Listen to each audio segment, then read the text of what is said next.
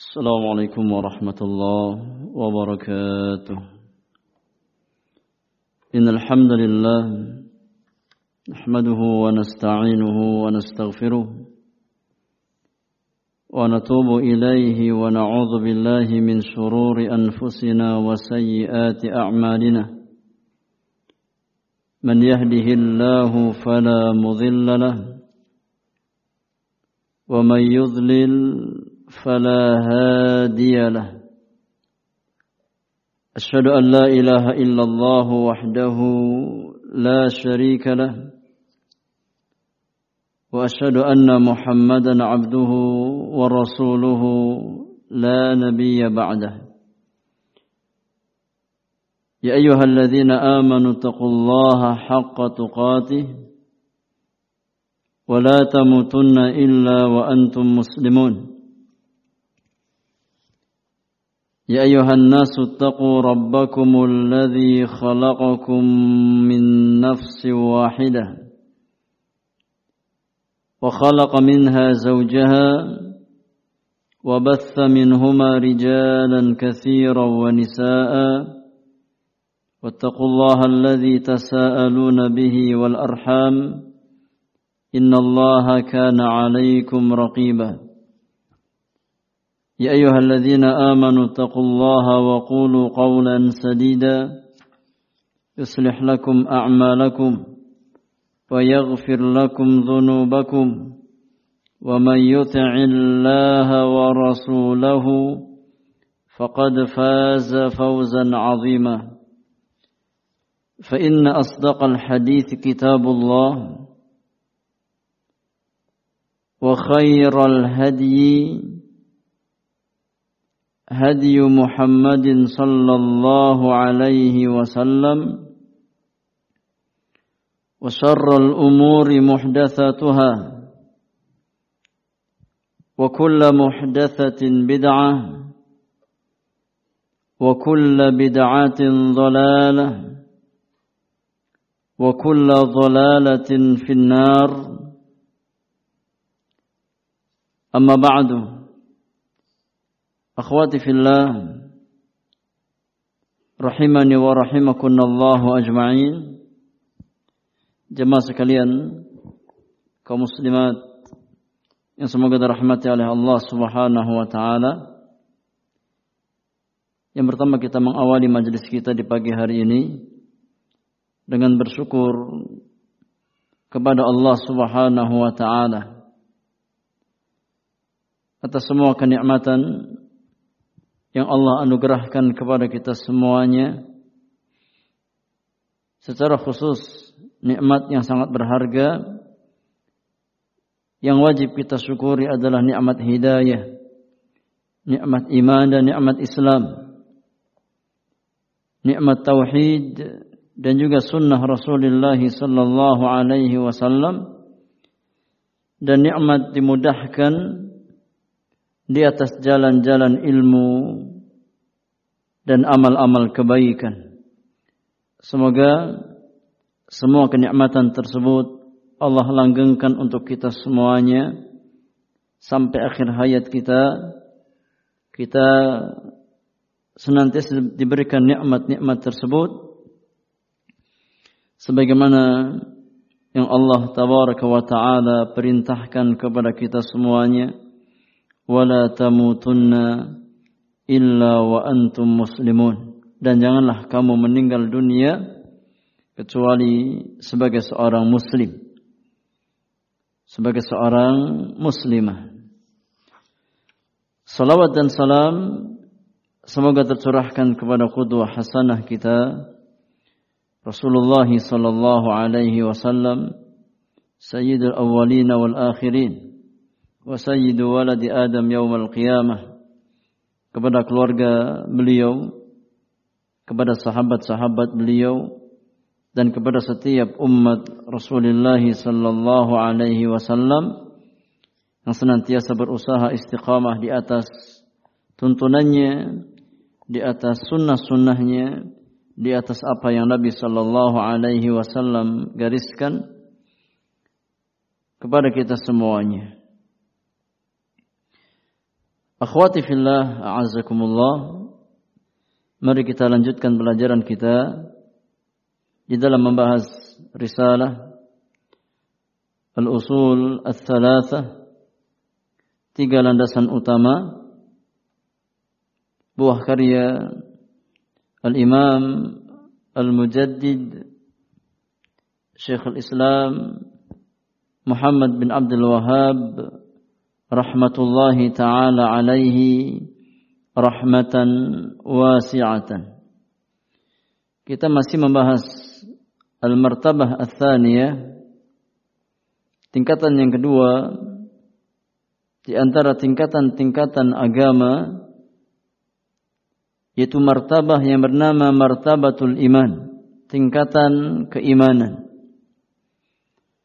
Kita jelaskan di pertemuan yang lalu bahwasanya iman memiliki enam rukun.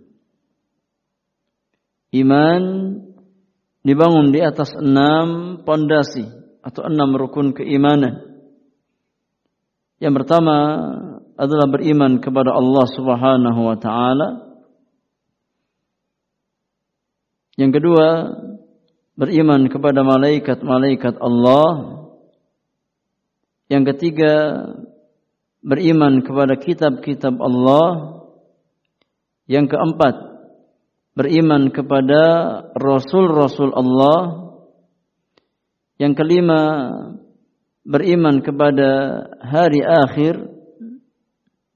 Dan yang keenam, beriman kepada takdir beriman kepada takdir yang baik ataupun yang buruk. Dan kita sudah jelaskan tiga rukun iman. Yang pertama, yang kedua dan yang ketiga. Al-imanu billah wa malaikatihi wa kutubihi. Maka di hari ini kita masuk rukun iman yang keempat atau penjelasan rukun iman yang keempat itu beriman kepada rasul-rasul Allah Subhanahu wa taala. Taib. Apa makna rasul? Apa makna ar-rasul? Kita wajib mengimani rasul-rasul Allah Subhanahu wa taala. Pertanyaannya apa makna rasul? yang wajib kita imani. Di sini para ulama menjelaskan ya bahwasanya kata ar-rusulu itu merupakan bentuk jama' dari kata ar-rasul. Ya ar-rusul itu jama'. Mufradnya atau kata tunggalnya ar-rasul, rasulun. Jamaknya rusulun. Ar-Rasul pengertiannya man ba'athahu Allahu ila qaumin wa anzala alaihi kitaban aw lam yunzil alaihi kitaban lakin awha ilaihi bihukmin lam yakun fi syari'ati man qablahu Pengertian Rasul adalah seseorang yang diutus oleh Allah Subhanahu wa taala kepada suatu kaum. Seseorang yang diutus oleh Allah Subhanahu wa taala kepada suatu kaum baik diturunkan kepadanya kitab ataupun tidak.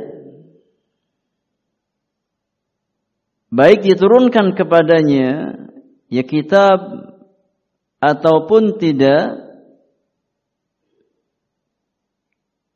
dan diwahyukan kepadanya diwahyukan kepadanya hukum-hukum syariat yang tidak ada pada rasul sebelumnya. Dan diwahyukan kepadanya hukum-hukum syariat yang tidak ada pada rasul sebelumnya.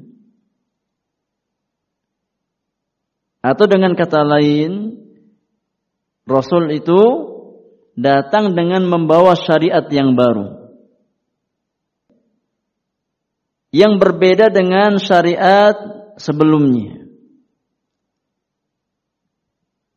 Sedangkan pengertian Nabi, ya, definisi Nabi, Nabi itu kata para ulama,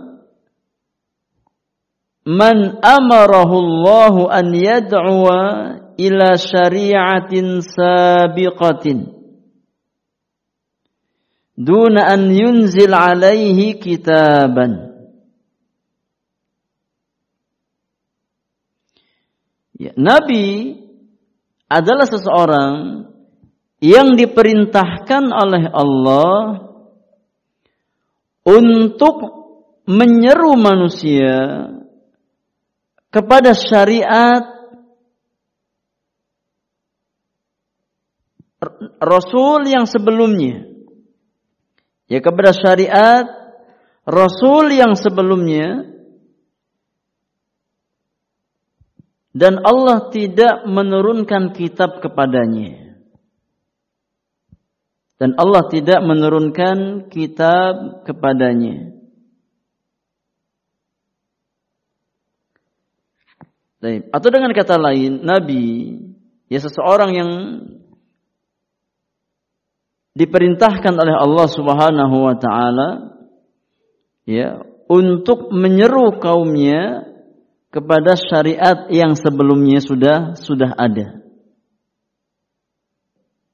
Dan Allah tidak menurunkan kitab kepada kepada nabi tersebut. Ya. Maka dari dua definisi ini, dari dua definisi ini, para ulama menjelaskan bahwasannya setiap rasul itu sudah pasti nabi. Ya. Namun tidak setiap nabi itu rasul. Ya setiap rasul itu pasti nabi. Ya. Namun tidak setiap nabi mendapat gelar rasul. Ya, setiap rasul itu pasti mendapatkan gelar nabi. Ya. Namun tidak setiap nabi itu mendapatkan gelar rasul. Ini pengertian Rasul.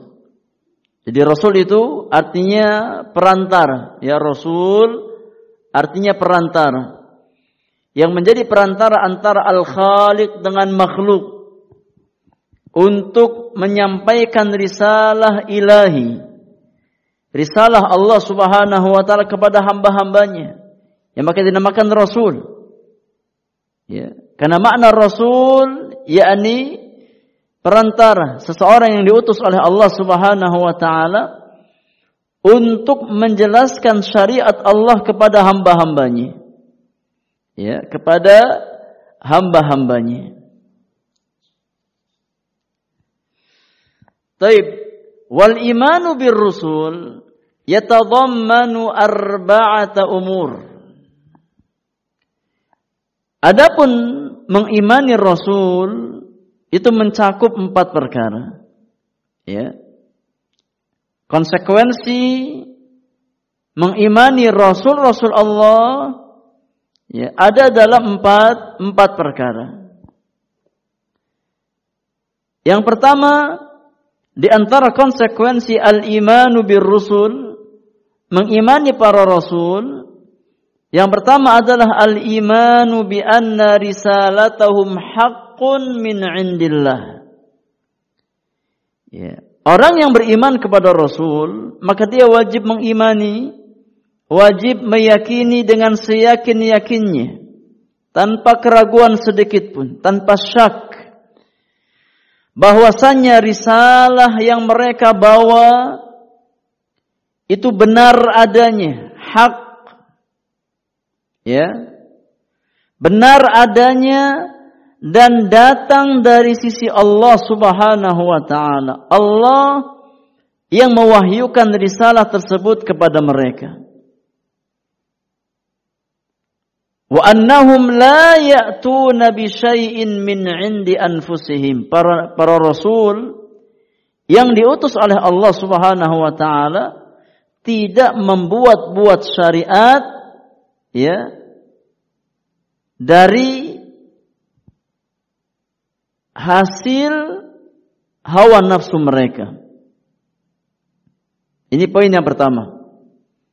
Jadi antara konsekuensi iman kepada Rasul kita wajib meyakini bahwasannya risalah yang mereka emban adalah risalah yang hak yang datang dari sisi Allah Subhanahu wa taala bukan hasil karya mereka.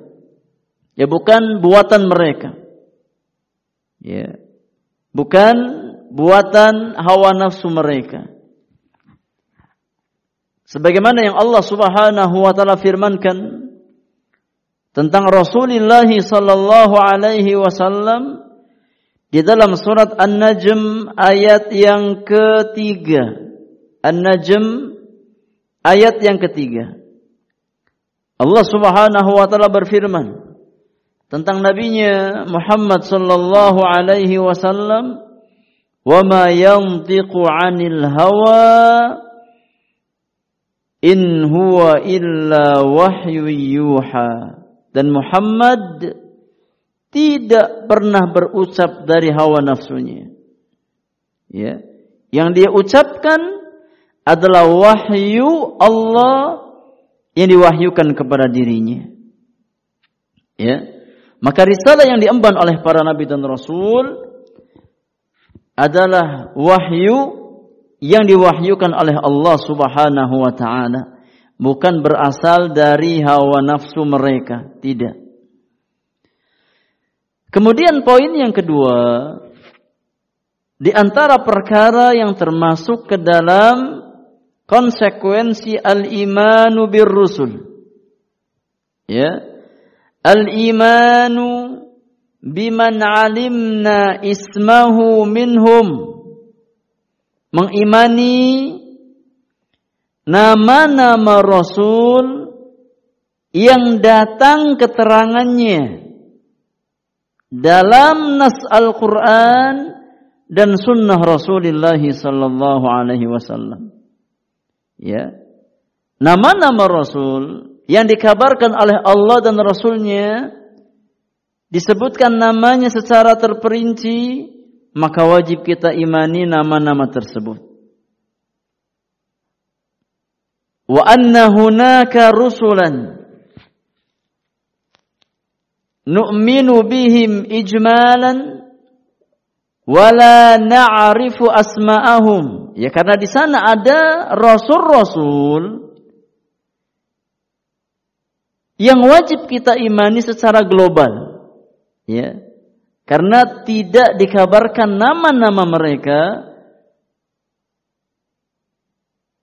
dalam Al-Quran dan sunnah Rasulullah sallallahu alaihi wasallam. Jadi tidak semua nama Rasul itu dikabarkan ya dalam Al-Quran dan sunnah Rasulullah sallallahu alaihi wasallam.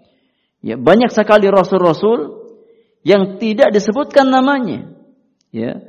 Maka rasul-rasul yang tidak disebutkan namanya kita wajib mengimani secara global.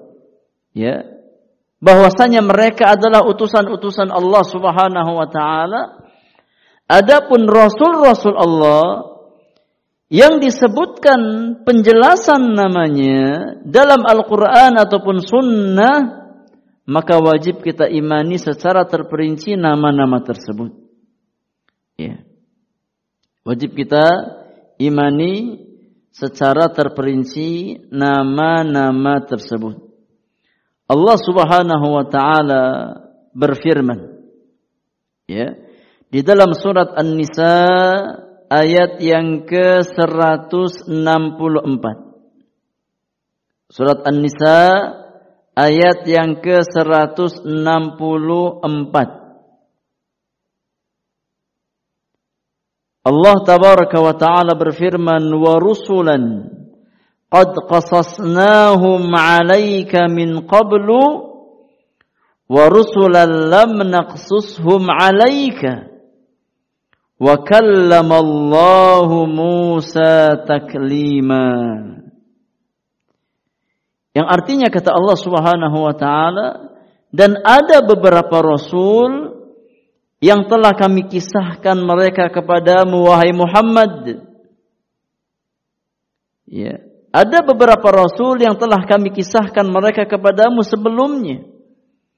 Dan ada beberapa rasul yang lain yang tidak kami kisahkan mereka kepada kamu wahai Muhammad.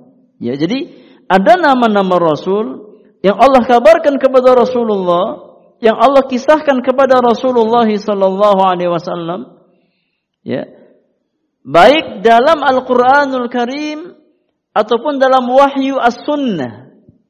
Ya.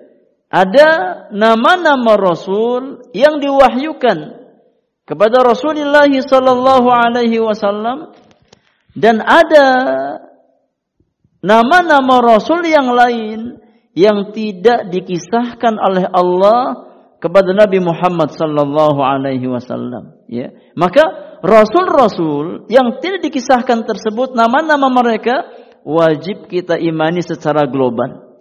Bahwasanya mereka adalah utusan Allah Subhanahu wa taala. Ya? Bahwasanya mereka adalah utusan Allah Subhanahu wa taala. Wa kallamallahu Musa taklima. Dan Allah berbicara langsung kepada Nabi Musa alaihi salam. Ya oleh karenanya Nabi Musa diberikan gelar ataupun julukan sebagai kalimullah ya seseorang yang diajak bicara langsung oleh Allah Subhanahu wa taala nah seseorang yang diajak bicara langsung oleh Allah Subhanahu wa taala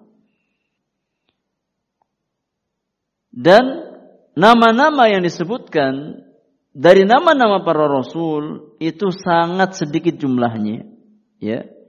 Dibandingkan jumlah semua rasul Allah Subhanahu wa taala, maka nama-nama yang dikisahkan dalam Al-Qur'an dan Sunnah itu sangat-sangat sedikit. Ya. Dibandingkan jumlah rasul yang diutus oleh Allah Subhanahu wa taala. Ya. Taib, ada sedikit PR buat ibu-ibu. Ya, ada sedikit PR. Dua PR, ya. Nanti tolong dikerjakan, ya boleh. Apa sama-sama bekerja ya boleh sama-sama bekerja ya bekerja sama ya boleh kerja kelompok ya ada dua tugas. Tugas yang pertama ya cari dalil cari dalil ya tentang jumlah nabi dan rasul. Berapa jumlah nabi dan rasul yang diutus oleh Allah Subhanahu wa taala? Dan harus bawa dalil. Ya, karena ini perkara yang wajib dibangun di atas dalil, nggak boleh kita menentukan jumlahnya sekian ya tanpa ada keterangan dalil dari Al-Qur'anul Karim ataupun sunnah Rasulullah sallallahu alaihi wasallam. Ya, jadi tugas pertama ya tolong carikan dalil tentang jumlah nabi dan rasul yang diutus oleh Allah Subhanahu wa taala. Kemudian tugas yang kedua sebutkan nama-nama nabi dan rasul yang ada keterangannya yang ada keterangannya dalam Al-Quran ataupun sunnah Rasulullah sallallahu alaihi wasallam. Ya. Cari nama-nama nabi dan rasul yang ada keterangannya di dalam Al-Qur'an ataupun sunnah Rasulullah sallallahu alaihi wasallam. Ya, agar kita tahu berapa jumlah nabi dan rasul yang disebutkan namanya dan berapa jumlah nabi dan rasul yang tidak disebutkan namanya. Karena kita apa sudah belajar kaidah Nabi dan Rasul yang disebutkan namanya wajib kita imani secara terperinci nama-nama tersebut. Adapun Nabi dan Rasul yang tidak disebutkan namanya, maka cukup kita imani secara global bahwasanya mereka adalah seorang Rasul atau seorang Nabi yang diutus oleh Allah Subhanahu wa taala. Ya. Jadi tolong dikerjakan ini dua ya pertanyaan insya Allah nggak sulit. Ya, insya Allah tidak tidak sulit. Ya, apalagi dikasih keringanan bisa ya kerja kelompok, boleh bekerja sama. Ya. Insya Allah pekan depan dikumpulkan ya. Pekan depan dikumpulkan ya. Kalau bisa ada kertas latihan. Ya, iman di buku latihan atau boleh di kertas selembar tidak apa-apa. Ada berapa total semua? 18? 17. Berarti tiga kelompok saja. Bikin tiga kelompok ya. Dua kelompok anggotanya enam, satu kelompok anggotanya lima. Ya, satu uh, dua kelompok anggotanya enam, satu kelompok anggotanya lima, pas tujuh belas. Nanti kelompoknya terserah ya, boleh diundi atau secara absen silahkan.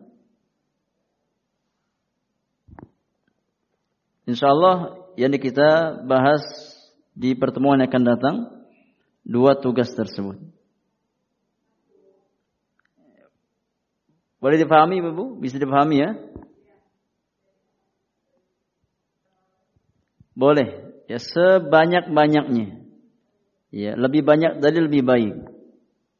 Lebih banyak dalil, lebih baik. Baik, kita lanjut dulu. Kemudian poin yang ketiga. Poin yang ketiga di antara konsekuensi iman bir rusul. Jadi ya, antara konsekuensi mengimani para rasul yang ketiga adalah tasdiqu ma sahha anhum min akhbarihim.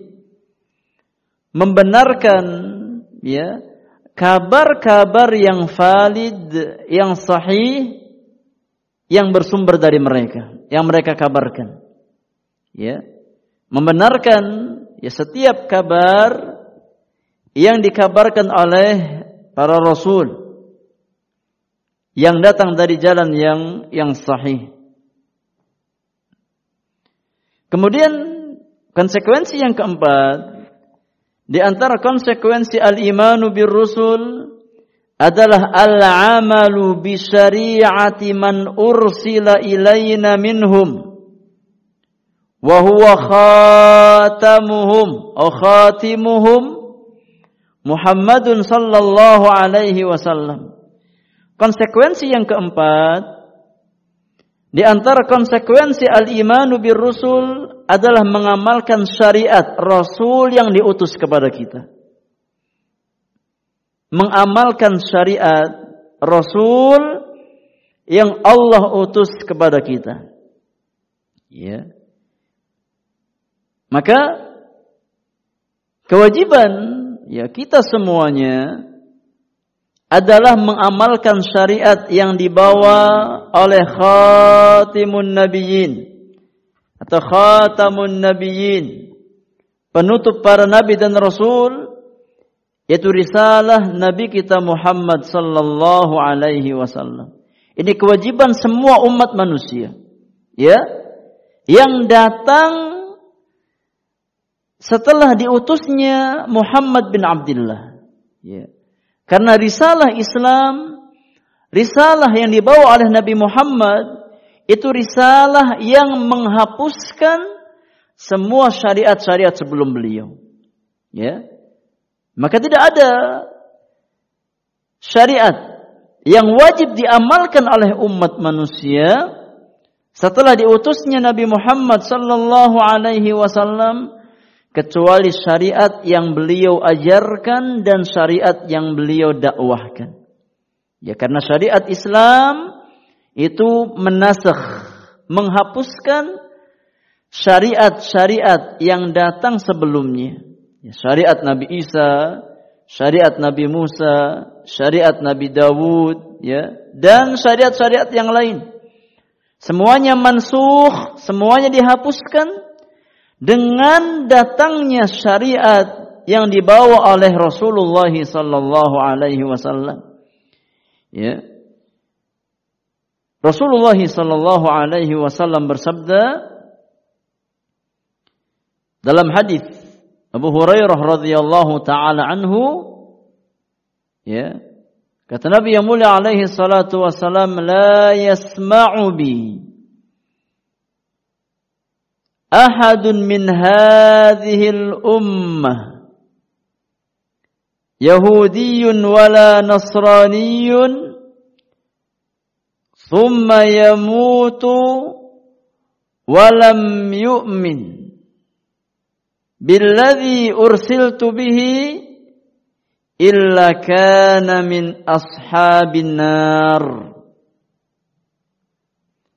Kata Nabi yang mulia, tidak ada seorang pun yang mendengar tentang diriku, tentang dakwahku, tentang risalah yang aku emban, tentang risalah yang aku dakwahkan. Yakni tidak ada seorang manusia pun yang telah sampai kepadanya hujjah. Diutusnya Muhammad sallallahu alaihi wasallam kemudian dia meninggal dunia dalam kondisi tidak beriman dengan risalah yang dibawa oleh Nabi Muhammad sallallahu alaihi wasallam. Baik dia seorang Yahudi baik dia seorang Nasrani atau orang beragama apa pun, ya, yang dia telah mendengar diutusnya Muhammad sallallahu alaihi wasallam telah sampai kepadanya hujjah ya tentang Islam, tentang risalah Muhammad sallallahu alaihi wasallam. Kemudian dia meninggal dunia dalam kondisi tidak mengimani syariat Muhammad sallallahu alaihi wasallam ya tidak masuk ke dalam Islam melainkan dia termasuk ke, dalam penghuni ya neraka di hari kiamat nanti wal billah. Ya. Ini di antara dalil ya bahwasannya syariat Islam itu syariat yang menasahkan yang menghapuskan semua syariat-syariat sebelumnya. Agama Yahudi, agama Nasrani, ya, Semuanya mansuh dengan datangnya syariat Islam. Ya karena tidak ada agama yang hak di sisi Allah Subhanahu wa taala setelah diutusnya Nabi Muhammad melainkan agama yang beliau dakwahkan yaitu agama Islam. Allah Subhanahu wa taala berfirman di dalam surat Ali Imran ayat yang ke-19. Surat Ali Imran ayat yang ke-19. Kata Allah Subhanahu wa taala, "Inna ad-dina 'indallahil Islam." Inna ad-dina 'indallahil Islam. Sesungguhnya agama yang benar, agama yang hak di sisi Allah Subhanahu wa taala hanyalah agama Islam. Yakni agama Islam yang dibawa oleh Rasulullah sallallahu alaihi wasallam. Ya. Karena dinul Islam itu menasahkan, menghapuskan semua syariat sebelumnya. Ya. Maka kewajiban semua makhluk, kewajiban semua ya manusia adalah mengimani apa yang didakwahkan oleh Rasulullah sallallahu alaihi wasallam. Di ayat yang lain di dalam surat Ali Imran ayat yang ke-85. Ali Imran 85. Allah Subhanahu wa taala berfirman, Wa man yabtaghi ghairal Islam dinan falan yuqbala minhu wa huwa fil akhirati. Dan barang siapa yang mencari agama selain Islam, yakni selain agama yang didakwahkan oleh Muhammad sallallahu alaihi wasallam, fala yuqbala minhu. Maka sekali-kali agama tersebut tidak akan diterima darinya. Tidak akan ya diterima oleh Allah Subhanahu wa taala dari seorang hamba kecuali agama Islam. Wa huwa fil akhirati minal khasirin. Dan orang yang mengambil agama selain daripada Islam maka dia di akhirat termasuk ke dalam orang-orang yang merugi. Maka ya kita harus bersyukur kepada Allah Subhanahu wa taala atas hidayah Islam yang Allah masukkan ke dalam hati-hati kita kalau bukan karena hidayah Allah Subhanahu wa taala tidak mungkin kita bisa merasakan indahnya Islam tidak mungkin kita bisa merasakan indahnya syariat Rasulullah sallallahu alaihi wasallam. Tidak mungkin kita bisa merasakan indahnya sunnah-sunnah Rasulullah sallallahu alaihi wasallam. Maka hidayah Islam, hidayah iman, ya, mengimani Nabi kita Muhammad sallallahu alaihi wasallam sebagai seorang rasul itu hidayah yang sangat mahal. Yang tidak mungkin bisa disamakan dengan nikmat-nikmat dunia sebanyak apa pun. Ya. Maka cukup bagi seorang hamba ya kebahagiaan tatkala Allah Subhanahu wa taala memberikan hidayah ya berupa hidayah Islam ke dalam hatinya. Ya. Ini empat perkara yang menjadi konsekuensi al-imanu bir rusul. Ya. Empat perkara yang menjadi konsekuensi al-iman bir rusul. Kemudian rukun iman yang kelima adalah al-imanu bil yaumil akhir. Beriman kepada hari akhir. Beriman kepada hari akhir. Dan yang dimaksudkan dengan ya al-yaumul akhir kata para ulama al-yaumul akhir itu mencakup hari yakni setelah seseorang berpindah dari alam dunia. Ya. Mengimani kejadian-kejadian yang akan dilalui oleh seseorang setelah dia yakni meninggalkan dunia. Ya. Maka yang dimaksudkan dengan hari akhir itu mencakup ya alam kubur, alam barzakh. Kemudian mencakup yakni hari kiamat, ditiupnya sangkakala, ya. Mencakup juga yaumul ba'ats hari kebangkitan umat manusia. Ya setelah mereka binasa dengan tiupan sangka kala yang kedua kembali bangkit ya untuk menghadap Allah Subhanahu wa taala mencakup juga yaumul hisab hari penghisaban amalan mencakup juga al-mizan ya adanya timbangan amalan di hari kiamat nanti. Mencakup juga hari pembalasan amalan. Ya. Sampai seseorang ditetapkan tempatnya di surga atau di neraka. Itu semua masuk dalam konteks al-yaumul akhir. Ya. Jadi al-yaumul akhir itu mencakup perjalanan hidup seseorang setelah dia meninggal dunia. Ya. Setelah dia meninggal dunia, maka masuk al-yaumul akhir itu alam barzakh. Ya tatkala seseorang tinggal di alam kuburnya, ya, menanti datangnya hari kiamat, menanti ditiupkannya sangkakala. Ya, maka tatkala malaikat Israfil meniup sangkakala yang pertama sebagai pertanda hancurnya alam semesta. Ya kebinasaan semua manusia. Kemudian ditiup sangkakala yang kedua sebagai pertanda kebangkitan ya umat manusia terus ya mereka berjalan.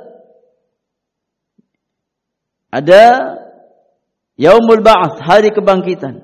Ada yaumul hisab, hari penghisaban amalan. Ya, atau sebelumnya ada yaumul mahsyar. Ya. Ada hari di mana manusia dikumpulkan di padang mahsyar. Ada hari penghisaban amalan, ada hari penimbangan amalan. Ya, ada yaumul jaza dibalasnya amal-amal manusia. Ya, ada as-sirat jembatan yang dibentangkan di atas neraka jahanam.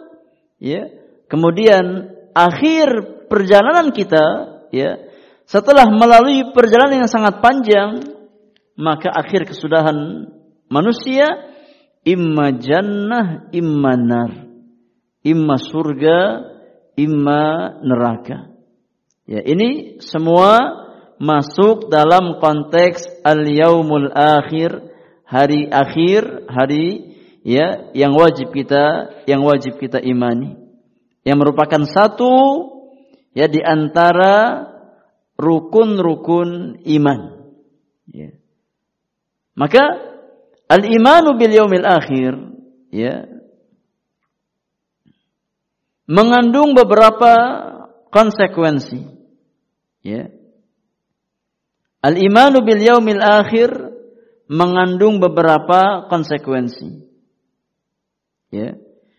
Yang pertama adalah mengimani adanya kehidupan setelah kematian. Ya. Dan ini kewajiban orang-orang beriman. Ya. Bahwasanya seorang mukmin meyakini kehidupan bukan hanya kehidupan dunia.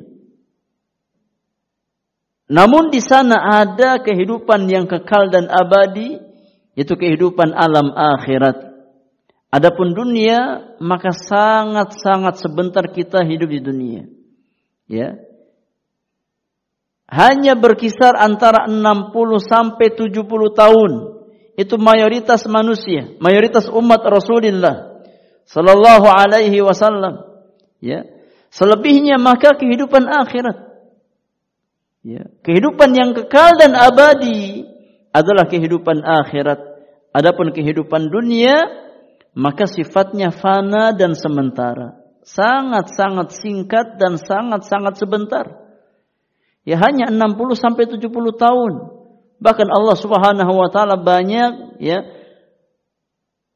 yakni menggunakan ungkapan dalam Al-Qur'an bahwasanya seseorang itu tatkala dia meninggal dunia dia baru sadar bahwasanya dia hidup hanya sebentar saja. Ya, hanya sebatas di waktu pagi atau di waktu sore hari. Ya. Dan itu hakikat kehidupan dunia. Ya. Puluhan tahun yang kita lalui itu seolah-olah baru kemarin sore kita apa kita lewati. Ya. Dan saya yakin ya kita semua masih punya memori kehidupan kita. Mulai dari kita masih kecil ya bersama orang tua kita, bersama kakek nenek kita, sekarang sudah jadi nenek-nenek. Ya, Padahal baru kemarin kita masih ya bermain-main dengan kakek kita, dengan nenek kita, dengan orang tua kita. Ya. Itu memori masa kecil kita masih tersimpan rapi dalam dalam ingatan kita. Ya. Tiba-tiba sekarang sudah jadi nenek-nenek. Ya, sudah punya cucu. Ya. Bahkan mungkin ada yang sudah punya buyut. Ya, sudah punya buyut, anaknya cucu. Ini semua dalil yang nyata yang menjelaskan bahwasanya kehidupan dunia itu sangat cepat berlalu. Apalagi di akhir zaman di mana Nabi yang mulia mengabarkan bahwasanya di antara tanda hari kiamat atau tanda dekatnya hari kiamat itu cepatnya waktu berlalu. Taqarub az-zaman. Ya. Yakni waktu itu berlalu sangat cepat. Ya. Ya kita aja kajian hari Rabu. Perasaan baru kemarin kajian, sekarang sudah kajian lagi. Waktu sangat cepat berlalu. Ya. Ini di antara tanda dekatnya hari kiamat. Ya. Hari berganti hari, pekan apa berganti pekan, bulan berganti bulan, tahun berganti tahun. Ya seolah-olah sangat cepat berlalu. Maka seorang muslim harus mengetahui hakikat kehidupan yang sebenarnya. Ya. Kita tercipta bukan untuk kehidupan dunia, ya tapi kita tercipta untuk kehidupan akhirat. Oleh karenanya, ya dunia mazra'atul akhirah. Dunia adalah tempat seorang hamba bercocok tanam untuk dia tuai hasilnya ya di hari kemudian. Tatkala kita semua kembali kepada Allah Subhanahu wa taala. Hari ini kita beramal, belum ada hisab. Al-yauma amalun bila hisab kata Ali bin Abi Talib. Hari ini yang ada kita semua beramal, belum ada hari penghisaban amalan. Wa ghadan hisabun wala amal. Namun esok tatkala kita kembali kepada Allah Subhanahu wa taala, tatkala kita meninggal dunia, yang ada hanyalah hari penghisaban amalan, hari pertanggungjawaban amalan, hari di mana kita menuai amal-amal yang kita telah kerjakan di dunia. فَمَنْ يَعْمَلْ مِثْقَالَ ذَرَّةٍ خَيْرًا يَرَهُ وَمَنْ يَعْمَلْ مِثْقَالَ ذَرَّةٍ شَرًّا يَرَهُ Barang siapa yang ya beramal kebaikan meskipun sekecil biji darra, sekecil biji sawi, dia akan melihat hasilnya di hari ya kemudian nanti. Ya. Di yakni di akhirat nanti. Dan barang siapa yang beramal keburukan meskipun sekecil biji zarrah maka dia pun akan melihat hasil amalannya ya di akhirat nanti. Maka kewajiban orang-orang beriman selagi Allah Subhanahu wa taala memberikan kita kesempatan untuk hidup di dunia, maka perbanyak amal-amal kebaikan. Perbanyak bekal kita untuk kita bawa ke apa kepada Allah Subhanahu wa taala. Untuk kita bawa tatkala kita kembali kepada Allah Subhanahu wa taala dan tidak ada perbekalan yang lebih baik bagi seorang hamba kecuali bekal ketakwaan kepada Allah Subhanahu wa taala. Wa tazawwadu fa inna khairaz zadi taqwa berbekallah kalian semua dan sesungguhnya sebaik-baik berbekalan adalah bekal ketakwaan kepada Allah Subhanahu wa taala.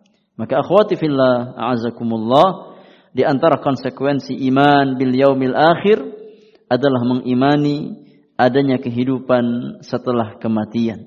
Ya, setelah kita meninggal dunia, ya bukan maknanya kita selesai dari kehidupan dunia. Ya, tapi di sana ada kehidupan lain yang sifatnya abadi yang menanti kita. Kemudian ya, di antara konsekuensi al-iman bil yaumil akhir adalah al-imanu bi al-barzakh. Mengimani adanya alam barzakh. yakni alam penantian setelah seseorang meninggal dunia. Ya. Setelah seseorang meninggal dunia, ya maka dia tinggal di alam barzakh. Dia menanti ya terjadinya hari kiamat. Ya, ditiupnya sangkakala sebagai yakni pertanda terjadinya hari hari kiamat. Kemudian di antara konsekuensi al-imanu bil yaumil akhir yang ketiga adalah mengimani adanya nikmat dan azab kubur. Mengimani adanya nikmat kubur dan azab kubur. Ini bagian dari al-imanu bil yaumil akhir. Ya. Karena kuburan seseorang itu kata Nabi sallallahu alaihi wasallam imma raudhatun min riyadil jannah wa imma hufratun min hufarin niran. Ya kuburan seseorang, liang lahat seseorang, ya, imma satu di antara dua kemungkinan. Ya imma menjadi satu di antara taman-taman surga berisi kenikmatan ya di alam kuburnya ya wa imma satu di antara lubang-lubang neraka ya kuburan seseorang ya imma menjadi satu di antara taman-taman surga yang penuh dengan keindahan yang penuh dengan kenikmatan ya dan imma satu di antara lubang-lubang neraka jahanam. Nauzubillahi min dzalik. Maka mengimani adanya nikmat kubur dan azab kubur di antara konsekuensi al-imanu bil yaumil akhir. Ya, dan azab kubur itu hak. Ya, enggak boleh kita dustakan. Karena dalam keterangannya dalam Al-Qur'an dan sunnah Rasulullah sallallahu alaihi wasallam sebagaimana nikmat kubur juga hak Ya wajib kita yakini. Gak boleh kita dustakan. Dan kita semua berharap semoga ya kelak suatu hari nanti kuburan kita ya menjadi satu di antara taman-taman surga. Kemudian di antara konsekuensi al-imanu bil yaumil akhir yang keempat adalah al-imanu bil ba'thi mengimani adanya hari kebangkitan. Hari kebangkitan umat manusia.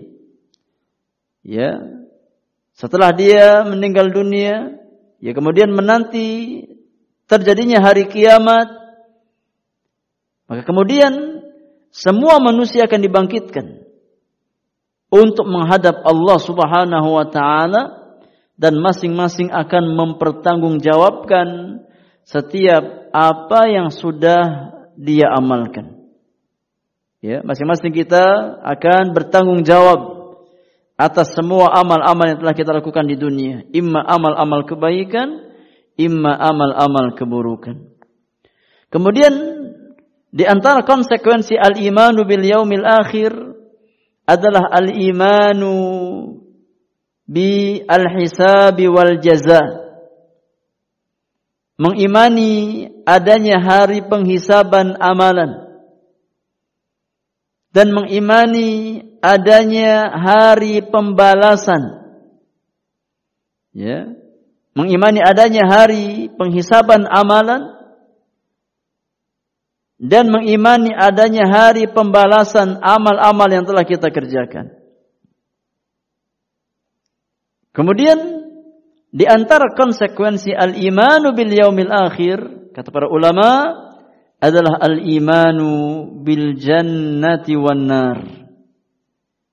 Beriman terhadap adanya surga dan neraka. Ya, beriman terhadap adanya surga dan neraka. Dan setiap kita ya sudah dicatatkan oleh Allah Subhanahu wa taala Apakah termasuk orang-orang yang syaqi, yang celaka, bagian dari penghuni neraka, atau termasuk orang-orang yang sa'id, yang berbahagia, yang termasuk ke dalam bagian dari ahlul jannah. Kita semua sudah dicatatkan oleh Allah Subhanahu wa taala ya arah kehidupannya akan ke mana, kesudahannya akan ke mana. Apakah ke surga Allah Subhanahu wa taala atau ke neraka Allah Subhanahu wa taala dan kita senantiasa berdoa memohon kepada Allah Subhanahu wa taala dengan semua nama-namanya yang indah dan sifat-sifatnya maha mulia ya Allah Subhanahu wa taala berkenan dengan rahmatnya dengan kasih sayangnya untuk memudahkan langkah kaki kita semua ke surga Allah Subhanahu wa taala. Kemudian rukun iman yang terakhir, rukun iman yang keenam. Di antara rukun-rukun iman adalah al-imanu bil qadar. Beriman terhadap takdir khairihi wa syarrihi, takdir yang baik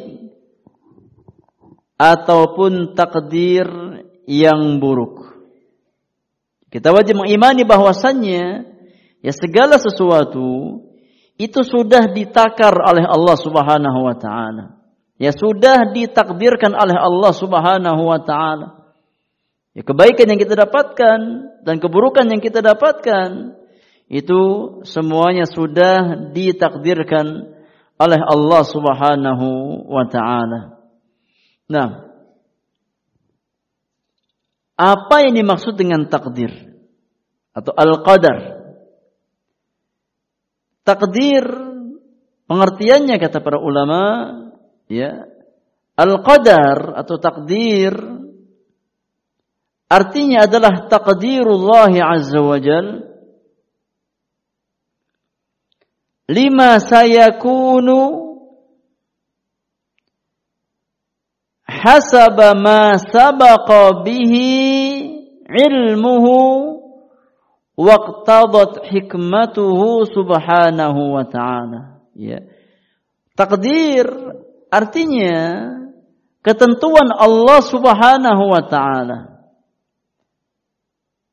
yang Allah berlakukan ya atas semua hamba-hambanya yang akan mereka dapatkan sesuai dengan ilmu Allah Subhanahu wa taala dan sesuai dengan hikmah kebijaksanaan Allah Subhanahu wa taala. Ya, takdir yang ketentuan Allah Subhanahu wa taala yang Allah berlakukan kepada ya hamba-hambanya apa yang akan mereka dapatkan ya sesuai dengan ilmu dan hikmah kebijaksanaan Allah Subhanahu wa taala. Ya. Apa yang kita ya dapatkan itu semuanya diilmui oleh Allah Subhanahu wa taala.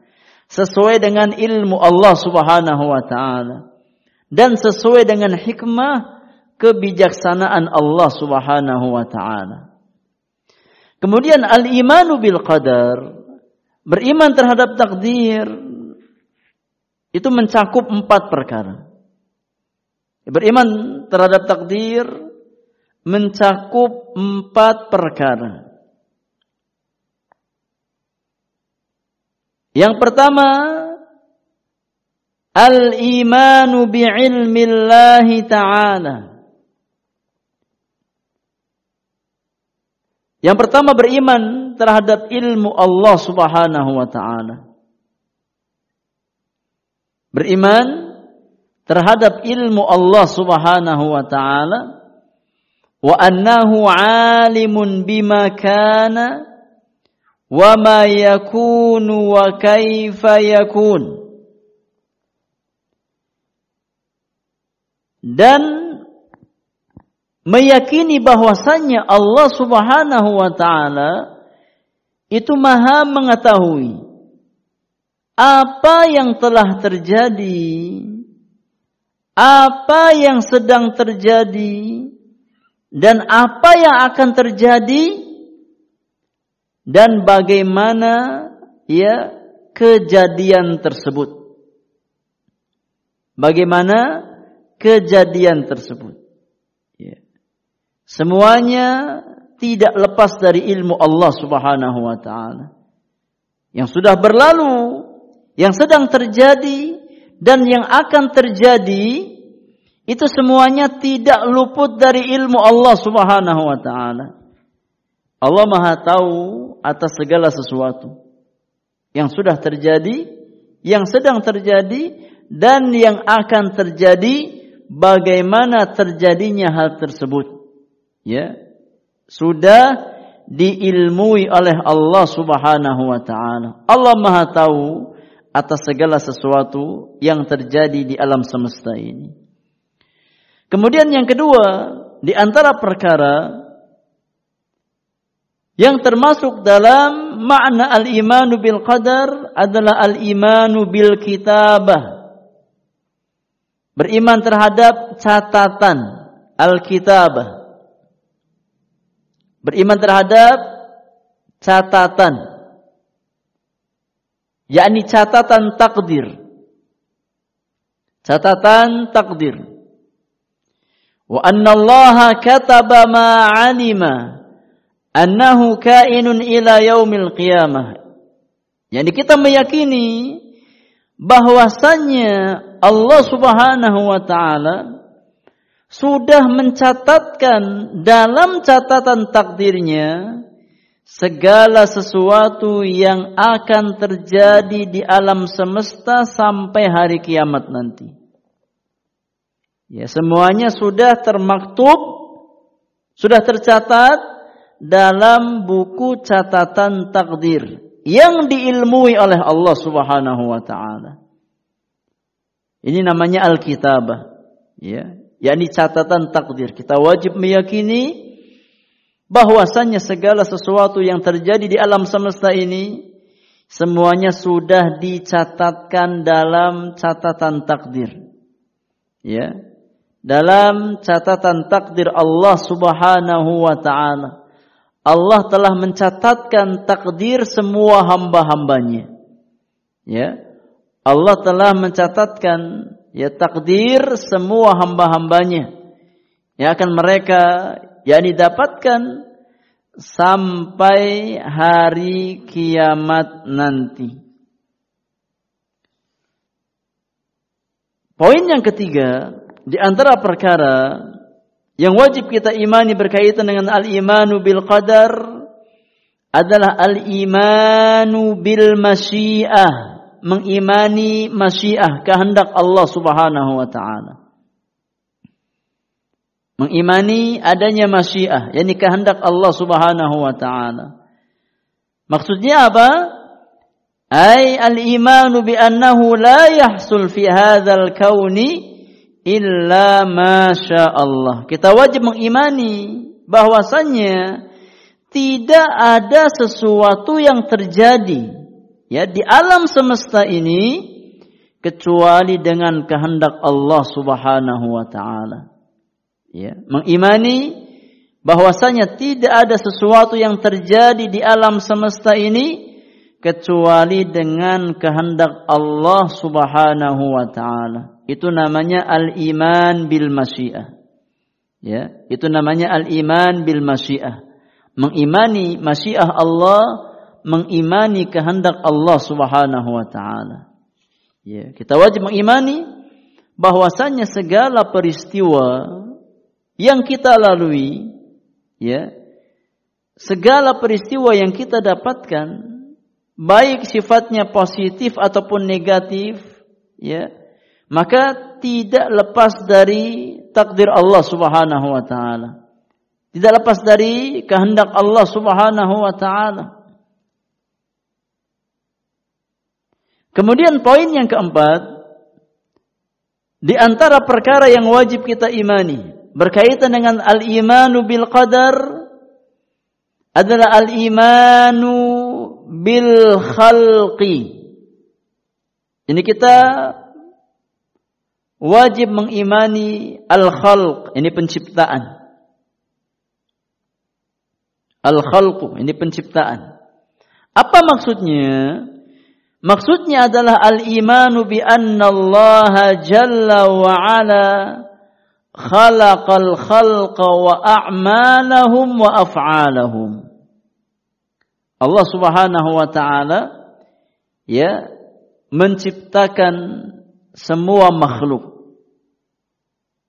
Allah Subhanahu wa taala menciptakan semua makhluk ya dan semua amal dan perbuatan mereka. Allah Subhanahu wa taala yang menciptakan makhluk dan Allah yang menciptakan ya amalan dan perbuatan-perbuatan mereka. Ya. Itu empat ya hal yang wajib kita imani seputar al-imanu bil qadar. Yang pertama al-imanu bi ilmillah. Yang kedua al-iman yakni bil kitabah. Yang ketiga al-iman bil masyiah. Yang keempat al-imanu bil khalqi. Ya. mengimani ilmu Allah, kemudian ya catatan takdir Allah Subhanahu wa taala, kemudian kehendak Allah dan penciptaan. Ya, Allah yang menciptakan ya semua makhluknya dan apa yang mereka amalkan. Apa yang mereka amalkan. Ini empat hal yang berkaitan dengan al-imanu bil qadar. Kemudian penulis membawakan dalil ya tentang enam rukun iman ini dari Al-Qur'anul Karim dan sunnah Rasulullah sallallahu alaihi wasallam. Adapun dalil dari Al-Qur'an ya maka penulis membawakan firman Allah Subhanahu wa taala yang pertama di dalam surat Al-Baqarah ayat yang ke-177. Al-Baqarah 177. Kata penulis, "Wad-dalilu ala hadhil arkani sittah." Dalil yang menunjukkan enam rukun iman di atas qauluhu ta'ala adalah firman Allah tabaraka wa ta'ala, "Laisal birra an tuwallu wujuhakum qibala al-masyriqi wal maghrib." Walakinnal birra man amana billahi wal yawmil akhir wal.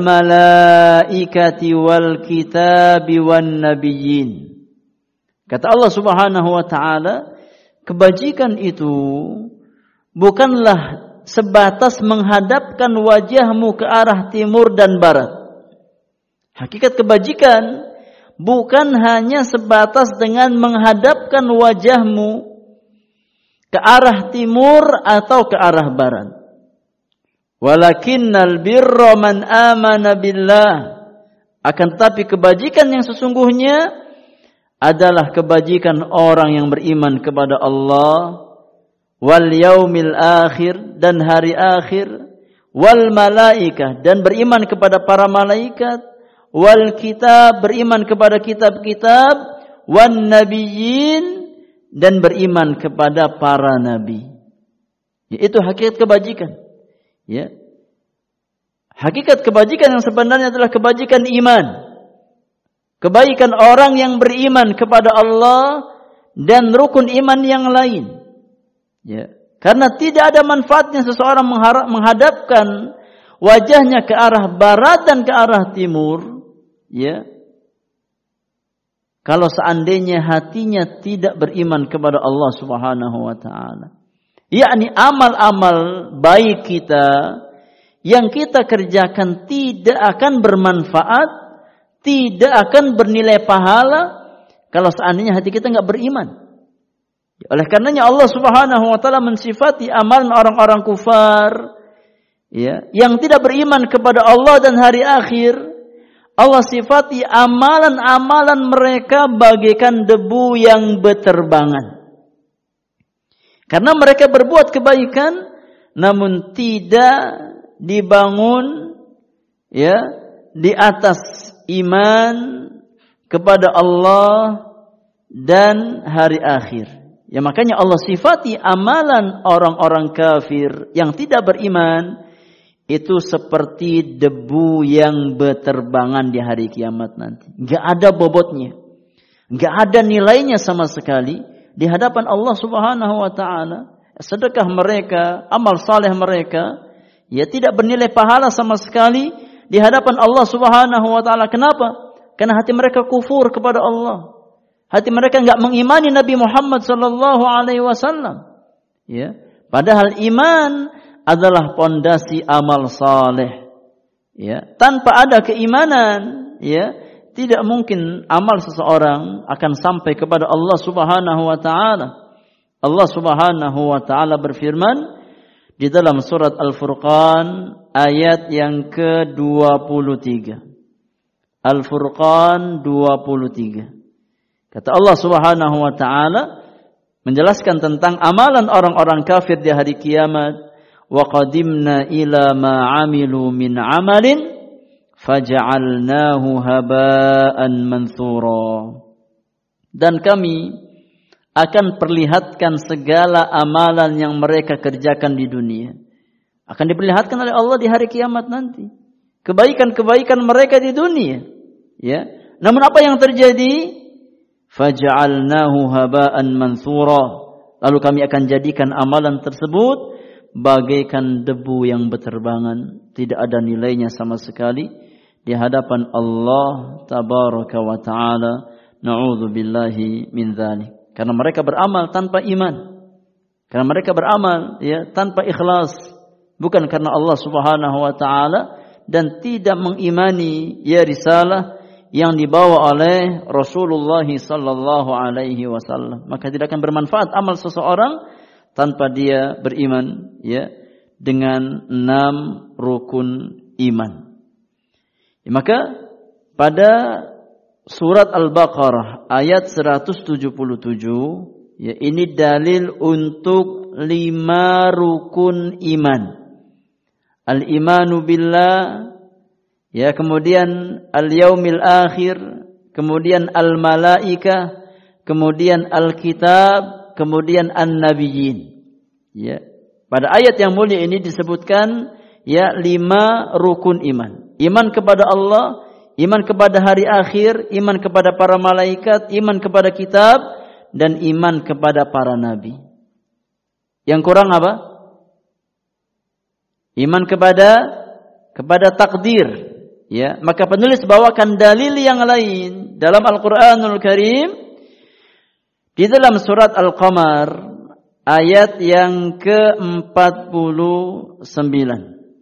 Nah, Al-Qamar ayat yang ke-49. Allah Subhanahu wa taala berfirman, "Inna kulla syai'in khalaqnahu biqadarin." Ya, "Inna kulla syai'in khalaqnahu biqadarin." Sesungguhnya kami menciptakan segala sesuatu ya dengan takaran sudah di ya takar oleh Allah Subhanahu wa taala. Sudah ditakdirkan oleh Allah Subhanahu Subhanahu wa taala. Ya, maka segala sesuatu yang terjadi di alam semesta ini ya semua tidak lepas dari takdir Allah Subhanahu wa taala yang sudah Allah catatkan dalam kitab Al-Lauhul Mahfuz ya kitab catatan takdir semua hamba-hambanya ya 50 ribu tahun sebelum Allah Subhanahu wa taala yakni menciptakan langit dan bumi. Sebagaimana disebutkan dalam sebuah hadis yang sahih dari jalan sahabat yang mulia Abdullah bin Amr bin Al-As radhiyallahu anhuma dalam hadis Muslim Rasulullah sallallahu alaihi wasallam bersabda kataballahu maqadiral khalaiq qabla an yakhluqa as-samawati wal arda bi khamsina alfa sanatin. Ya. Kata Allah Subhanahu wa taala, kata Nabi sallallahu alaihi wasallam, sesungguhnya Allah telah mencatatkan takdir-takdir semua makhluk ya sebelum Allah menciptakan langit dan bumi sejauh 50 ribu tahun. Ya, Allah sudah mencatatkan semua takdir kita 50 ribu tahun ya sebelum Allah menciptakan langit dan dan bumi. Dalam hadis yang lain ya dalam hadis yang lain Rasulullah sallallahu alaihi wasallam bersabda Kata Nabi yang mulia, "Kullu syai'in biqadarin." Ya, segala sesuatu itu sudah ditakar oleh Allah. Sudah ditakdirkan oleh Allah Subhanahu wa taala. Ya, hatta al-ajzi wal kais. Ya, sampai ya apa sifat lemah seseorang dan sifat cerdas seseorang itu bagian dari apa yang sudah Allah takdirkan pada hamba-hambanya. Seseorang diberikan apa? Lemah fisiknya, ya mungkin lemah apa? Hafalannya, ada orang diberikan kecerdasan oleh Allah Subhanahu wa taala, itu semua tidak lepas dari ya ketentuan dan takdir Allah Subhanahu wa taala. Ya. Tidak lepas dari takdir Allah Subhanahu wa taala. Maka ini uh, enam rukun iman yang wajib kita yakini yang merupakan ya pondasi dari al-martabah ats-tsaniyah tingkatan yang kedua dalam tingkatan agama kita itu al-imanu billah wa malaikatihi wa kutubihi wa rusulihi wal yaumil akhir wal iman bil qadar khairihi wa syarrihi. Wallahu taala a'lam bissawab. Insyaallah kita jelaskan al-martabah ats-tsalitsah tingkatan yang ketiga yaitu tingkatan ihsan di pertemuan yang akan datang biiznillahi tabaraka wa ta'ala.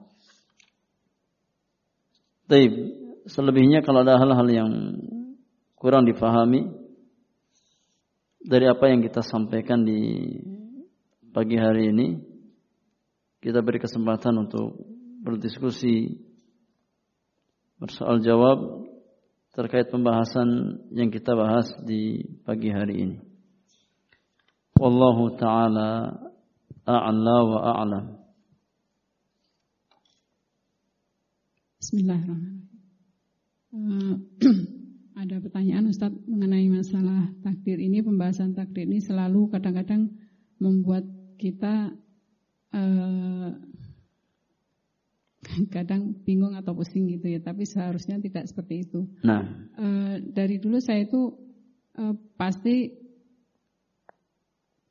memahaminya ma, apa dalam masalah takdir ini adalah bahwa semua makhluk hidup dan semua amalnya termasuk amal manusia itu kan e, semua berdasarkan atas kehendak Allah. Nah, sampai kepada bahwa e, akhir manusia itu nanti akan berakhir baik atau buruk, akan berakhir di surga atau neraka pun itu semua sudah berdasarkan kehendak Allah Subhanahu wa taala. Nah, uh, yang saya takutkan itu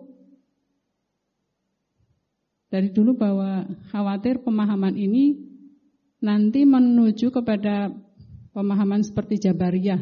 Jadi bahwa mereka mengatakan uh, kalau manusia itu tidak punya kuasa apa-apa dalam arti uh, semua yang dilakukan manusia itu semua sudah ditentukan oleh Allah. Jadi manusia seperti wayang seperti itu ya, Ustadz. Eh, kadang-kadang kalau saya berpikir-pikir sendiri itu kadang-kadang lari ke sana gitu. Karena eh, melihat uh, seperti dalam hadis-hadis juga banyak yang menyatakan bahwa uh, seorang seseorang itu mempunyai amal baik, tapi pada akhir hidupnya Allah menentukan bahwa amalnya adalah buruk, maka terjadilah uh, akhir hidupnya adalah buruk. Dan sebaliknya bahwa manusia itu pada kehidupannya buruk, tapi Allah menentukan karena takdir sudah menentukan uh, dia itu beramal baik, maka jadilah dia itu uh, dalam akhir yang baik. Seperti itu. Jadi kadang-kadang sampai sekarang masih uh, berputar-putar seperti itu Ustaz dalam pemikiran saya itu mungkin bisa dijelaskan dengan gamblang biar tidak terjebak pada pemikiran atau pemahaman seperti uh, naudzubillah seperti pemikiran Jabariyah gitu. Jadi bagaimana memahaminya secara mudah dan sederhana tapi uh, bahwa pemahaman ahlu sunnah wal jamaah tentang takdir ini jelas di dalam pemikiran kita Ustaz. Barakallahu fik. Nah, jazakillahu khairan pertanyaannya. Ya. Masalah takdir ya, ada dua firqah yang menyimpang ya dari akidah Ahlus Sunnah. Ya, yang pertama firqah Jabariyah ya yang mereka mengklaim bahwasannya manusia itu tidak memiliki kehendak sama sekali. Ya atas perbuatan-perbuatan mereka. Ya maka Jabariyah beranggapan bahwasanya kita ini bagaikan bulu yang diterbangkan oleh angin. Ya, ke mana pun arah angin, maka dia akan ikut arah angin tersebut. Ya, maka Jabariyah menafikan masyiah pada makhluk. Ya. Bahwasanya kita manusia sama sekali tidak punya kehendak. Ya. Karena kita semua yakni dipaksa oleh Allah Subhanahu wa taala dengan kehendak Allah Subhanahu wa taala. Firqah yang kedua, firqah qadariyah. Ya. Ini juga ya firqah yang menyimpang dari akidah yang sahihah. Ya, ya beranggapan bahwasannya makhluk itu punya kehendak mutlak. Ya. Makhluk punya kehendak mutlak. Bahwasanya apa yang terjadi, ya, maka Allah tidak ikut campur dengan kehendak makhluknya. Semuanya terjadi karena kehendak makhluk. Ya, maka ini pun ya pemahaman yang yang menyimpang. Ahlu sunnah meyakini bahwasanya seorang hamba ya diberikan masyiah oleh Allah Subhanahu wa taala, diberikan kehendak, diberikan pilihan oleh Allah Subhanahu wa taala. Ya.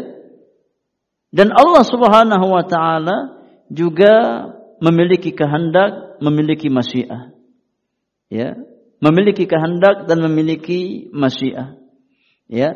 Maka di antara perkara yang wajib kita yakini ya dalam masalah takdir ya kita wajib membangun keimanan kita terhadap takdir di atas dalil-dalil yang datang.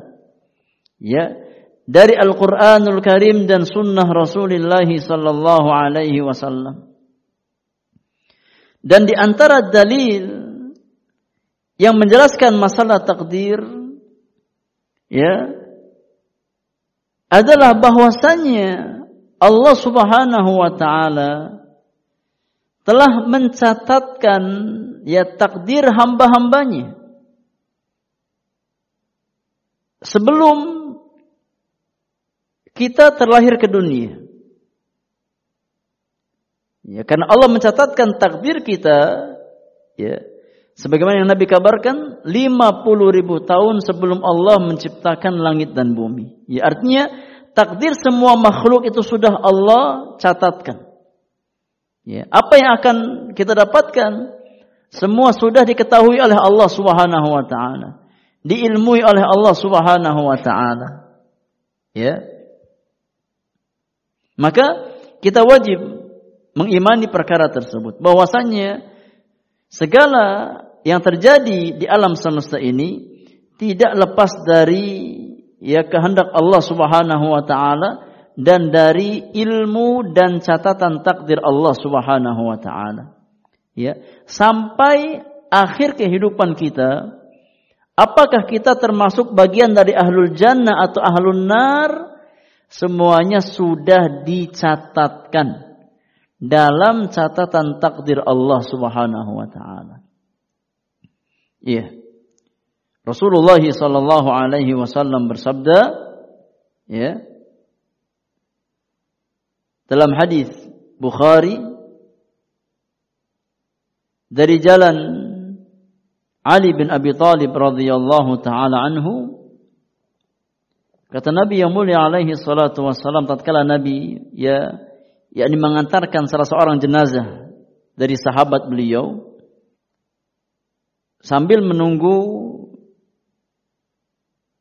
yakni dikuburkannya sahabat tersebut Nabi yang mulia bersabda ya di hadapan sahabat-sahabat beliau. Kata Nabi yang mulia ma minkum min ahadin illa wa qad kutiba maq'aduhu minan nar wa maq'aduhu minal jannah. Kata Nabi yang mulia tidak ada seorang pun di antara kalian ya melainkan sudah dicatatkan tempat duduknya. Apakah di neraka ataukah di surga? Ya masing-masing sudah dicatatkan takdirnya oleh Allah Subhanahu wa taala. Apakah menjadi bagian dari ahlul jannah atau menjadi bagian dari ahlun nar? Maka para sahabat bertanya, "Qalu, ya Rasulullah, Afala nattakilu ala kitabina wa nada'ul amal. Kalau begitu ya Rasulullah, kalau seandainya semua ya perjalanan hidup kita, akhir hidup kita sudah dicatatkan oleh Allah. Kalau begitu kenapa kita tidak bersandar pada catatan tersebut? Dan kita nggak usah beramal ya Rasulullah. Toh ujungnya kita sudah ditentukan oleh Allah Subhanahu wa taala ke mana akhir kehidupan kita. Apakah ke surga atau ke neraka? Ya. Kenapa kita tidak bersandar pada catatan takdir Allah Subhanahu wa taala? Lihat, akhwati fillah, apa jawaban Nabi sallallahu alaihi wasallam? Ya. Mengimani catatan takdir itu wajib, bagian dari keimanan. Ya. Bahwasanya kita semua sudah dicatatkan takdirnya oleh Allah sampai akhir kehidupan kita surga atau neraka sudah dicatatkan oleh Allah ini perkara yang wajib kita imani. Ya. Namun bukan maknanya setelah itu kita berpangku tangan. Ya. Tapi Nabi yang mulia mengatakan i'malu. Ya kalian tidak usah memusingkan masalah takdir. Kalian tidak usah yakni mempertanyakan masalah takdir itu bukan urusan kalian. Urusan kalian dalam masalah takdir cukup kita yakini Allah sudah mencatatkan takdir-takdir kita. Itu cukup bagi kita mengimani. Ya. Tidak apa kita tidak perlu jadi mempermasalahkan takdir Allah Subhanahu wa taala. Kewajiban kita apa? Kewajiban kita adalah beramal kata Nabi, "I'malu", beramallah kalian. Ya. Fakullun muyassarun lima khuliqalahu. Karena setiap kita itu pasti akan dimudahkan jalannya ya ke mana arah takdir kita masing-masing. Ya. Amma man kana min ahli sa'adah fayuyassaru li'amali ahli sa'adah. Seorang hamba yang memang sudah dalam catatan takdir Allah, itu sudah ditetapkan sebagai orang yang bahagia, sebagai penghuni surga, maka akan terlihat dalam amalan kesehariannya, akan terlihat apa pada akhir hayatnya. Ya. Masing-masing kita berjalan ya menuju muara takdir kita. Ya, dan masing-masing kita itu akan dimudahkan oleh Allah ke mana dia berjalan. Ya. Kalau seandainya seseorang sudah dicatatkan oleh Allah bagian dari ahlul jannah, maka pasti Allah akan mudahkan langkahnya ya dalam kehidupan dunia sampai akhir hayatnya untuk beramal dengan amalan ahlul jannah. Sebaliknya, wa amma man kana min ahli syaqa fayuyassaru li amali ahli syaqawah. Ya. Adapun orang-orang yang sudah dicatatkan oleh Allah sebagai bagian dari ahlun nar, orang yang binasa, orang yang celaka, maka Allah akan permudah dia beramal dengan amalan penghuni neraka. Ya. Jadi akhwat, kita nggak usah pis, apa nggak usah pusing ya mikirin ya yakni ketentuan Allah yang Allah berlakukan untuk kita. Ya, Kewajiban kita cukup mengimani, cukup meyakini bahwasannya masing-masing kita sudah dicatatkan takdirnya oleh Allah dan setiap kita akan dimudahkan pada muara takdir tersebut. Ya. Orang yang Allah catatkan sebagai ahlul jannah, maka Allah akan mudahkan arahnya ke sana. Ya. Orang yang Allah catatkan sebagai ahlul nar, maka Allah akan mudahkan jalannya ke sana. Masalahnya akhwat, masalahnya ya, siapa di antara kita yang tahu takdir Allah? Ada? Enggak ada yang tahu.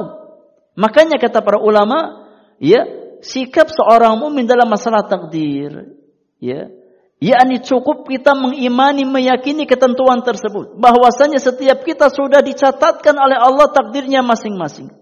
Dan setiap kita akan mengambil bagian dari takdir tersebut. Kewajiban kita cukup beramal. Ya. Beramal dengan amal-amal kebaikan.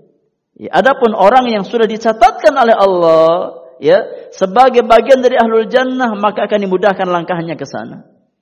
Seseorang yang sudah ditetapkan oleh Allah sebagai bagian dari ahlul nar maka akan dimudahkan langkahnya ke sana oleh Allah Subhanahu wa taala. Ya.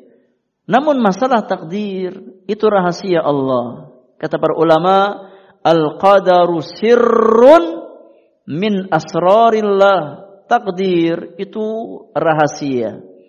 Di antara rahasia-rahasia Allah Subhanahu wa taala, la yattali'u alaihi malakun muqarrabun wala nabiyyun mursal. Yang tidak Allah beritahukan kepada malaikat yang dekat dengannya dan juga kepada rasul yang diutus oleh Allah Subhanahu wa taala. Artinya nggak ada di antara kita yang tahu takdir kita ke mana. Ya. Maka tatkala kita nggak pernah tahu arah takdir kita ke mana, ya kewajiban kita berusaha mencari takdir yang terbaik. Ya, mencari takdir yang terbaik. Ya, kita nggak pernah tahu kita ini masuk bagian ahli jannah atau ahli nar. Ya, apa yang Allah takdirkan untuk kita kita nggak pernah tahu. Maka kewajiban kita mengamalkan hadis Rasulullah, i'malu. Beramallah kalian. Ya. Cukup kita beramal. Kita beramal saleh. Ya kita belajar, kita menuntut ilmu, kita mengamalkan ilmu kita. Selebihnya maka masing-masing di antara kita akan dimudahkan muara takdirnya ke mana. Ya, orang yang muara takdirnya ke jannah, maka akan dimudahkan arahnya ke sana. Ya, orang yang muara takdirnya ke neraka, maka akan dimudahkan jalannya ke sana. Ya. Kewajiban kita cukup mengimani dan ya kita berusaha untuk mencari takdir yang terbaik. Ya, dengan cara apa? Dengan cara beramal saleh. Dengan cara beramal saleh. Ya. Cukup kita meyakini bahwasanya setiap kita sudah dicatatkan oleh Allah Subhanahu wa taala takdirnya masing-masing. Ya tinggal bagaimana kita berusaha untuk mencari apa yang Allah ridhai. Ya. Kalau seandainya memang kita ya ya ditakdirkan oleh Allah sebagai bagian dari ahlul jannah, maka akan tampak pada ini keseharian kita, semangat kita dalam belajar, semangat kita dalam mengamalkan ilmu, semangat kita dalam ya bertauhid kepada Allah, semangat kita dalam mengamalkan sunnah Rasulullah sallallahu alaihi wasallam. Ya, adapun seseorang yang dikehendaki oleh Allah Subhanahu wa taala ya. Sebagai bagian dari ahlun nar maka akan dimudahkan jalannya ke sana. Imma dengan jalan kekufuran kepada Allah atau jalan apa? Yakni kemunafikan atau jalan-jalan yang lain. Ya. Yang bisa mengantarkan seorang hamba kepada neraka Allah Subhanahu wa taala wal billah. Ya. Maka agar kita tidak bingung dalam masalah takdir ya cukup kita meyakini bahwasanya ya kita semua sudah ditentukan takdirnya oleh Allah Subhanahu wa taala. Namun masalah takdir ini kita nggak pernah tahu muaranya ke mana. Ya karena kita tidak pernah diberikan ya ilmu oleh Allah tentang takdir kita. Maka kewajiban kita ya adalah berusaha untuk beramal saleh ya. Yang mana dengan amal inilah kita berharap bahwasanya takdir kita takdir yang baik. Ya kita berhusnudzon kepada Allah dalam masalah takdir. Ya kita berharap ya bahwasanya takdir kita adalah takdir yang yang baik. Ya kemudian satu poin lagi yang ingin saya sampaikan dan ini sangat penting. Ya berkaitan dengan masalah takdir. Ya, ini kaidah ahlu sunnah dalam menyikapi takdir Allah Subhanahu wa taala agar kita tidak terjatuh dalam ya pemahaman yang salah dalam masalah takdir. Kaidah yang disebutkan oleh para ulama bahwasannya la yajuz atau yajuzu al-ihtijaju bil qadar 'inda al-masaib wala yajuzu lihtijaju bil qadar indal ma'ayib. Ini kaidah yang sangat apa penting untuk kita fahami bersama. Kata para ulama, yajuzu lihtijaju bil qadar indal masaib. Ya boleh seseorang berhujjah dengan takdir, ya, beralasan dengan takdir tatkala terjadi musibah menimpa dirinya. Boleh kita berhujjah, beralasan dengan takdir tatkala terjadi musibah menimpa kita. Ya kita sakit, ya terjadi wabah, ya kita katakan qaddar Allah. Semua dengan kehendak Allah Subhanahu wa taala. Ya kita terkena musibah, kita katakan qaddar Allah wa masya'a Ya semua terjadi dengan kehendak Allah Subhanahu wa taala, dengan takdir Allah Subhanahu wa taala. Apa yang Allah kehendaki maka pasti terjadi meskipun kita tidak menghendakinya. Ya, maka dalam masalah musibah ya seseorang boleh berhujah dengan takdir, boleh beralasan dengan takdir. Tapi dalam masalah ma'ayib, dalam masalah aib, dalam masalah dosa dan kesalahan, tidak boleh kita berhujah dengan takdir. Ya. Tatkala kita berbuat kesalahan, nggak boleh kita katakan ini sudah takdir Allah, tidak boleh. Ya. Ini kaidah yang harus kita fahami. Dalam berbuat maksiat, tidak boleh kita berhujah dengan takdir, ya. Karena Allah telah menjelaskan semuanya, yang baik dan yang buruk. Allah telah mengutus para rasul, ya, sebagai yakni pemutus hujah orang yang berhujah dengan takdir Allah Subhanahu wa taala. Maka tidak boleh kita ya berbuat keburukan, berbuat dosa dan maksiat ya, kemudian berhujah atau beralasan dengan takdir. Ya, enggak boleh. Tatkala kita meninggalkan sholat, ya, kita beralasan, ya ini sudah takdir Allah Subhanahu wa taala. Kalau Allah takdirkan saya sholat, ya saya pasti sholat. Enggak boleh seperti itu. Karena tidak ada kaidah seseorang berhujjah dan hujjahnya diterima ya dalam meninggalkan atau dalam mengerjakan keburukan. Tapi dalam musibah na'am. Dalam masalah musibah kita beralasan dengan takdir dibenarkan. Tapi dalam masalah dosa dan maksiat tidak bisa. Ya. Tidak bisa kita beralasan dengan takdir. Ya, tatkala dihadapkan di hadapan Amirul Mukminin di hadapan Umar bin Khattab, ya, ada seorang pencuri ya yang hendak dipotong tangannya. Ya kemudian dia beralasan dengan takdir Allah Subhanahu wa taala wahai Amirul Mukminin wahai Umar. Ya. Apakah engkau enggak yakin bahwasanya semuanya sudah semuanya sudah dicatatkan oleh Allah Subhanahu wa taala? Saya ini mencuri karena takdir Allah Subhanahu wa taala. Ya, saya mencuri dengan takdir Allah Subhanahu wa taala. Ya kalau Allah nggak takdirkan saya mencuri, saya nggak akan mencuri wahai Umar. Lihat apa jawaban Umar bin Khattab. Ya, apa jawaban Umar bin Khattab tatkala dikatakan oleh pencuri tersebut bahwasannya keburukan yang dia lakukan itu dengan takdir Allah Subhanahu wa taala. Ya dia berhujah dengan takdir Allah Subhanahu wa taala. Maka Umar bin Khattab berkata, "Wahai fulan, kalau seandainya engkau beralasan mencuri karena takdir Allah, maka hari ini saya akan potong tangan kamu dengan takdir Allah Subhanahu wa taala. Selesai, impas. Maka tidak boleh kita ya menjadikan takdir sebagai tameng untuk bermaksiat kepada Allah Subhanahu wa taala, ya. Karena Allah telah menjelaskan kepada kita ya mana yang baik dan mana yang buruk dan Allah memberikan kita masyiah, memberikan kita kehendak. Allah memberikan kita pilihan. Ya. Ada orang ya yang tatkala dia berzina, ya, naudzubillah, kemudian dia beralasan saya berzina ini nggak tahu kaki saya jalan sendiri ke tempat ya tempat seperti itu. Ya, kemudian tiba-tiba tangan saya ya, ya ini membuka pakaian saya sendiri. Ada seperti itu? Ya kalau ada orang berkata seperti itu, dia kakinya jalan sendiri ya ke tempat-tempat maksiat, kemudian berbuat maksiat ya dengan sendirinya, ya orang katakan ini orang majnun, ini orang gila. Ya. Kalau ada orang yang mencuri mengatakan, nggak tahu tadi saya kok tiba-tiba tangannya gerak sendiri ya ngambil ya ngambil uang si fulan. Tiba-tiba tangannya nggak tahu kenapa gerak sendiri. Ini kan orang nggak akan percaya. Ini orang majnun. Ya. Maka sekali lagi dalam masalah takdir ya kita wajib mengimani ya semua dengan takdir Allah Subhanahu wa taala. Namun kita punya kaidah ahlu sunnah punya kaidah bahwasanya tidak boleh seseorang berhujah dengan takdir dalam masalah dosa dan maksiat. Ya dalam perihal yakni keburukan. Ya ataupun dalam masalah musibah kita berhujah dengan takdir.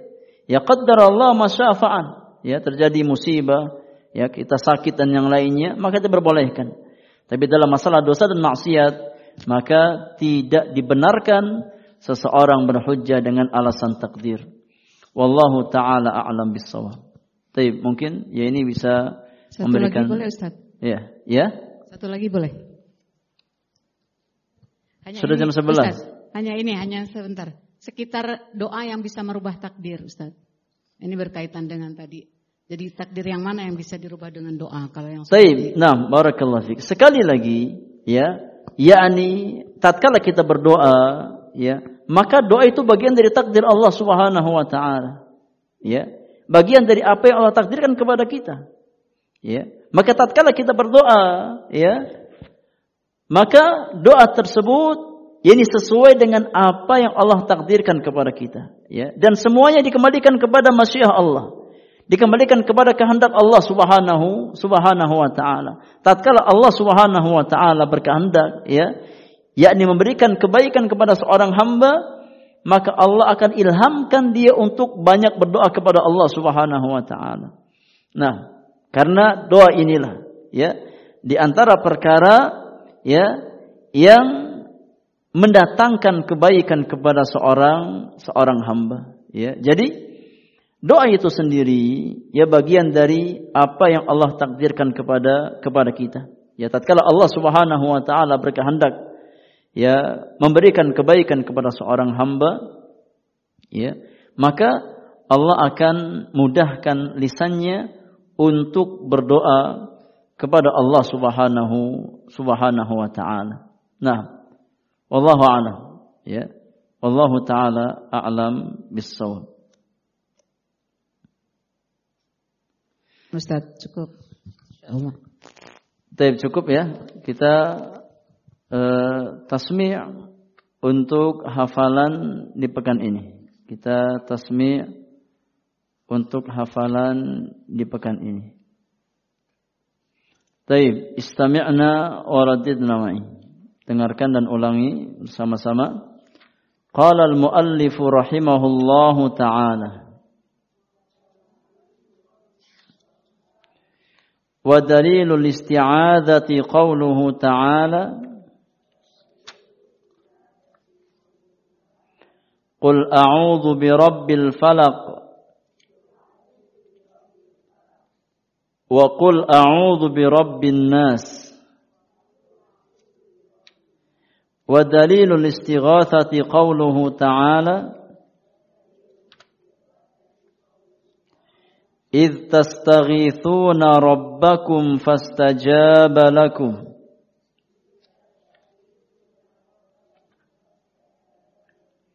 ودليل الذبح قوله تعالى قل إن صلاتي ونسكي ومحياي ومماتي لله رب العالمين. لا شريك له. وبذلك أمرت وأنا أول المسلمين.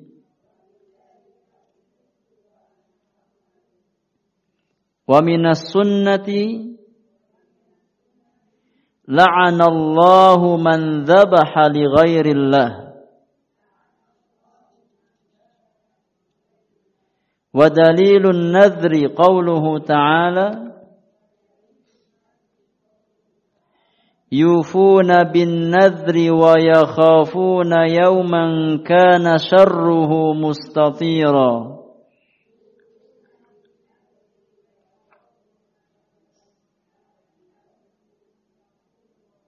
طيب coba dibaca bersama-sama. Hafalan untuk pekan ini. Nah tafadhalna.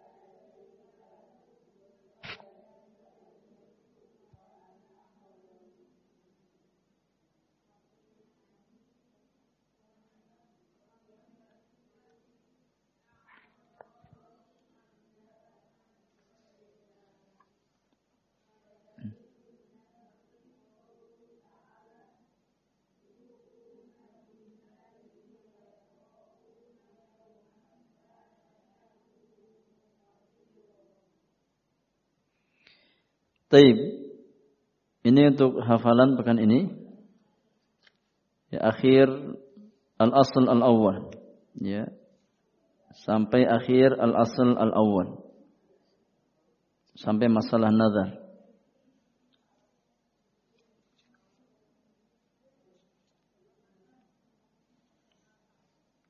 Kenapa ada yang beda? Enggak apa-apa.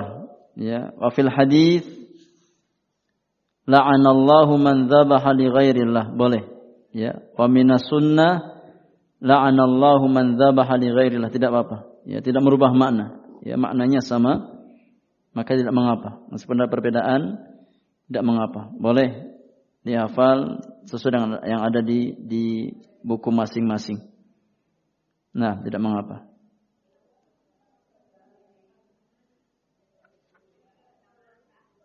Taib cukup ya Ibu ya. Taib barakallahu fikunna ajma'in. Wallahu ta'ala alam bisawab. Wa sallallahu ala nabiyyina Muhammadin wa alihi wa sahbihi ajma'in. Wa akhiru da'wana anil hamdulillahi rabbil alamin. Subhanakallahumma wa bihamdika. Ashhadu an la ilaha illa anta. Astaghfiruka atubu ilaik. Assalamualaikum warahmatullahi wabarakatuh.